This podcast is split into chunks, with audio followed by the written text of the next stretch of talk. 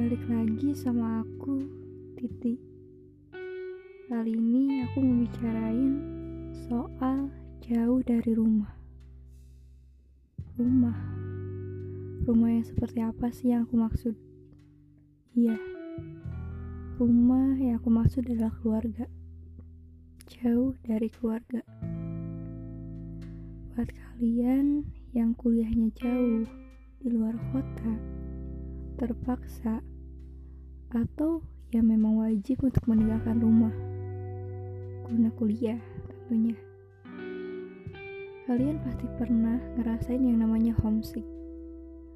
Kangen suasana rumah, kangen orang-orang terdekat, kangen makanan rumah, dan lain sebagainya. Mungkin untuk mahasiswa-mahasiswa baru kayak aku, minggu-minggu pertama kuliah itu berat banget. Kepikiran pulang terus. Tapi semakin ke sini mulai semakin terbiasa. Punya teman baru, punya kesukaan baru, punya aktivitas baru. Eits, tapi ingat ya, di sana itu ada yang selalu nungguin kabar kalian,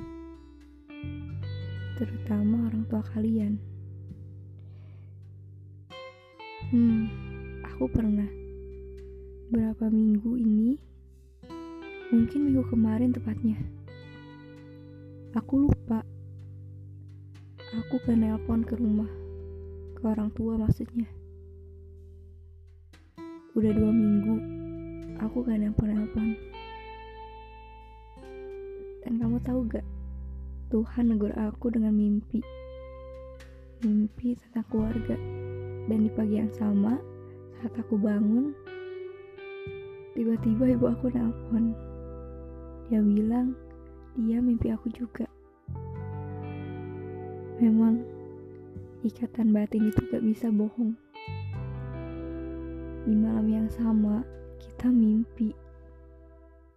Mungkin mimpi kita sama, mimpi kita ketemu. Agak tau lah. Tapi yang jelas, rumah itu selalu menunggumu pulang. Atau setidaknya, selalu menunggumu berkabar.